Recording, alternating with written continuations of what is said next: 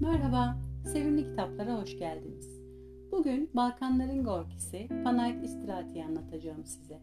Rumen yazar İstirati, İstanbul dahil pek çok şehri gezmiş, Fransızcayı sözlüklerden kendi kendine öğrenip tüm eserlerini Fransızca yazmış, sonra ana dili Rumenceye tercüme etmiş bir yazar. Hayat Yollarında adlı ilk gençlik yıllarını anlattığı kitabıyla tanıştım ben yazarla. Daha sonra en ünlü eseri diyebileceğim Mihail'i, Akdeniz'i ve en sonda Kira Kirarina'yı okudum.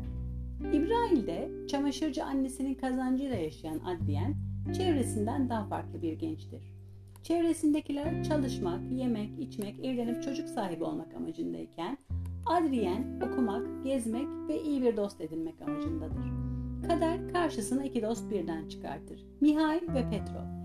İşte Mihail kitabı bu üç kişinin bazen ikişerli gruplar, bazen hep birlikte yaptığı konuşmalardan oluşuyor.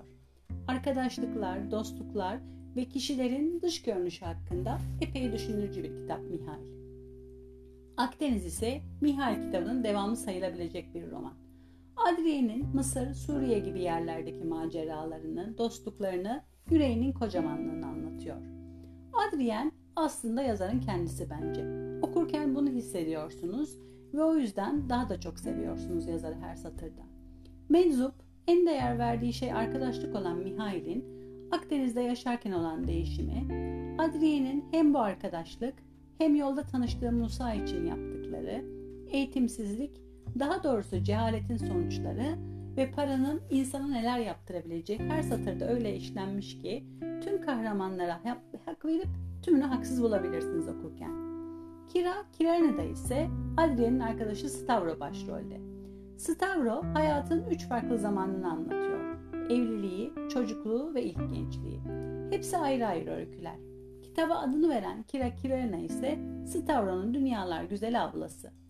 Topu topu 130 sayfalık bir eser ama inanılmaz doyurucu.